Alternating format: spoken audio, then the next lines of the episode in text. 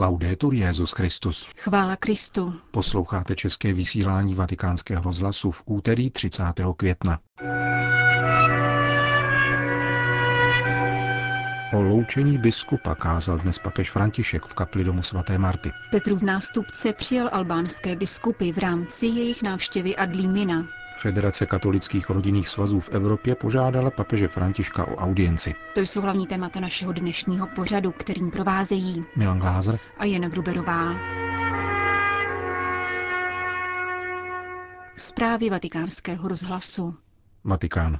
Pravý pastýř se dovede rozloučit se svou církví, protože ví, že není středem dějin, nýbrž svobodným člověkem, který sloužil bez kompromisů a nepřivlastňoval si státce řekl papež František v homilí při raním v kapli domu svaté Marty. Podnět ke svému kázání si vzal z prvního čtení, které popisuje Pavlův odchod z Efezu a jeho rozloučení s církevní obcí, kterou založil.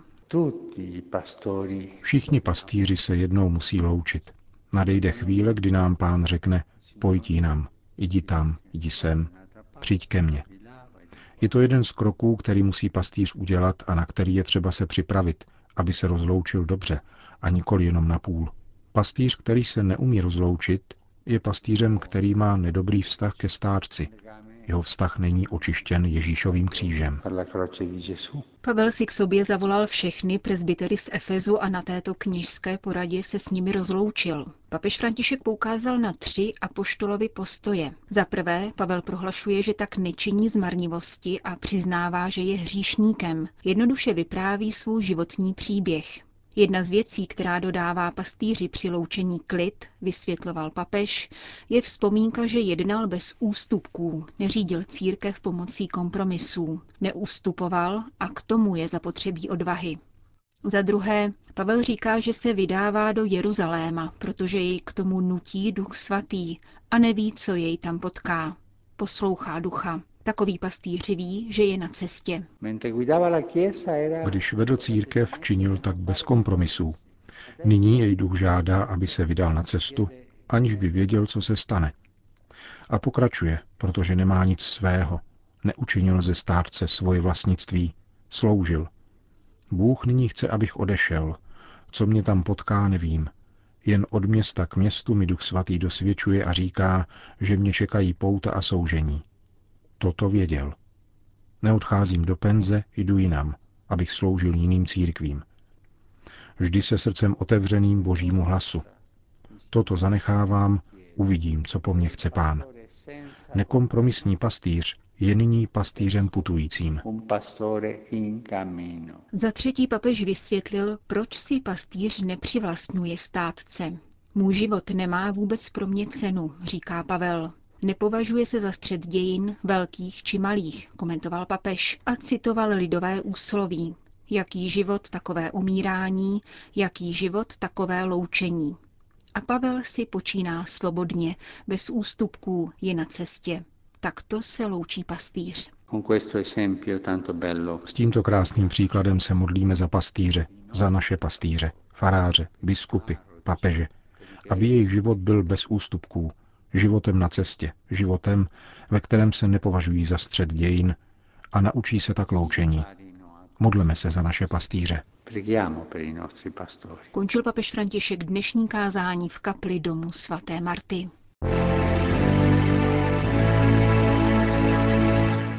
Vatikán. Okamžik milosti a posílení vazeb s mateřskou církví, zároveň však chvíle prověřování a konfrontace nezbytné pro další povzbuzení místního společenství věřících. Tak to vymezuje skadarský arcibiskup a předseda albánské biskupské konference Angelo Masafra, probíhající návštěvu osmi albánských biskupů u Prahu apoštolských, která dnes pokračovala papežskou audiencí. Pro vatikánský rozhlas popsal, co albánské katolické církvi působí radost a naopak s jakými nesnázemi se potýká. Naše církev poznala utrpení způsobené pro následováním, ale znovu povstala a vydala se na cestu. Existuje mnoho krásných důkazů o růstu naší církve, především v oblasti charitativní služby a školství. Katolické školy v Albánii jsou chloubou naší církve, ale zároveň důvodem k neklidu, protože nikoli pokaždé existují příhodné politické a ekonomické podmínky, které by nám povolovaly realizaci našich výchovných záměrů. Na poli vzdělávání mají skutečně rozhodující podíl zasvěcené osoby. Zásadní těžkostí je nedostatek kněží a finančních prostředků. Vážným problémem Albánie zůstává chybějící infrastruktura, ačkoliv mnohé se na tomto poli zlepšilo. Zejména v zimě tak existují oblasti, do kterých se nedostanou církevní ani státní služby. Migrace a stěhování lidí do měst přispívá ke změně náboženské geografie v naší zemi, což nás podněcuje k novým pastoračním strategiím. Jaké vztahy má albánská katolická církev k jiným křesťanským církvím a zejména k muslimské většině? Dalo by se říci, že v úvozovkách dobré a jistě za různých výjimečných okolností nechybí příležitosti k dialogu a spolupráci. Mírové soužití příslušníků různých náboženských vyznání v Albánii je nepochybně poklad, který je nutné chránit a uchovávat. Občas se objeví zprávy, které budí obavy z šíření určitého extremismu, ale snažíme se jim nepodléhat a naopak bez prodlení potvrzovat vítěznou dvojici víra a vlast, která je Albáncům tak drahá. Prosazuje se v Albánii sekularizace, která lidi od víry oddaluje? Albánci si dosud díky Bohu udržují pevnou víru. Lze ovšem zaznamenat určitý pokles kvůli postupujícímu zesvědčení. Nedomnívám se ale, že by se jednalo o oddálení od víry v úzkém slova smyslu, nebož spíše je na vině jistá lhostejnost, která z naší strany vyžaduje zvýšenou péči, zejména na poli formace. Je třeba docenit a vychovávat lidovou zbožnost, která je v našem národě velmi silná. Nezapomínejme také, že církev sehrává důležitou roli při směřování rodinných rozepří, známých jako krevní msta.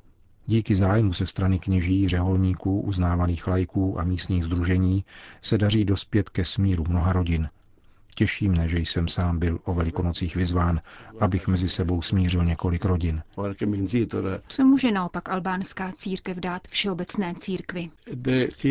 Jsme mladá církev, ale máme chuť růst. Neseme však na sobě plnost dějin a tradice, zbarvené krví našich mučedníků. 38 jich bylo blahořečeno v loni v listopadu. Právě oni jsou naším bohatstvím, které je třeba poznávat. Svou láskou ke Kristu a církvi mohou být vzorem zejména pro mladé generace. Uvedl pro naše mikrofony předseda Albánské biskupské konference. Jejíž členové se dnes setkali s papežem Františkem. Vatikán. Úvod ke knize Síla ticha byl iniciativou Benedikta XVI. prozradil kardinál Robert Sarach na okraj prezentace německého překladu své knihy. Emeritní papež po přečtení knihy gvinejského kardinála konstatoval, že popisuje to, co je i pro něho zdrojem duchovního života. Při té příležitosti navrhl autorovi, že sám napíše úvod pro německou edici.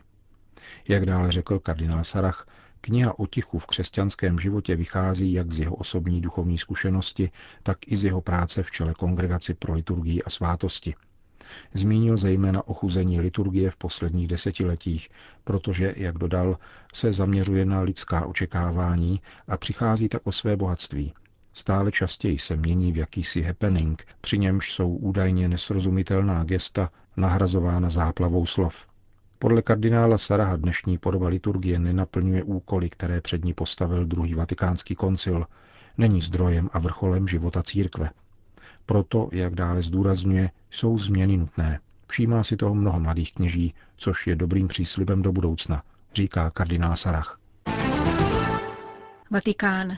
14 evropských národních rodinných združení, participativní statut při Radě Evropy a kancelář v Bruselu nedaleko Evropského parlamentu. To vše se skrývá za Federací katolických rodinných svazů v Evropě, která byla založena právě před 20 lety. Při této příležitosti požádala o papežskou audienci v rámci třídenní římské schůzky členských rodinných svazů. Českou republiku na ní zastupuje Asociace Center pro rodinu. Čtvrtečnímu setkání s papežem Františkem předchází kromě debat a pracovních jednání také slavnostní zasvěcení Federace rodinných svazů paní Marii v paulinské kapli Baziliky Panny Marie Větší.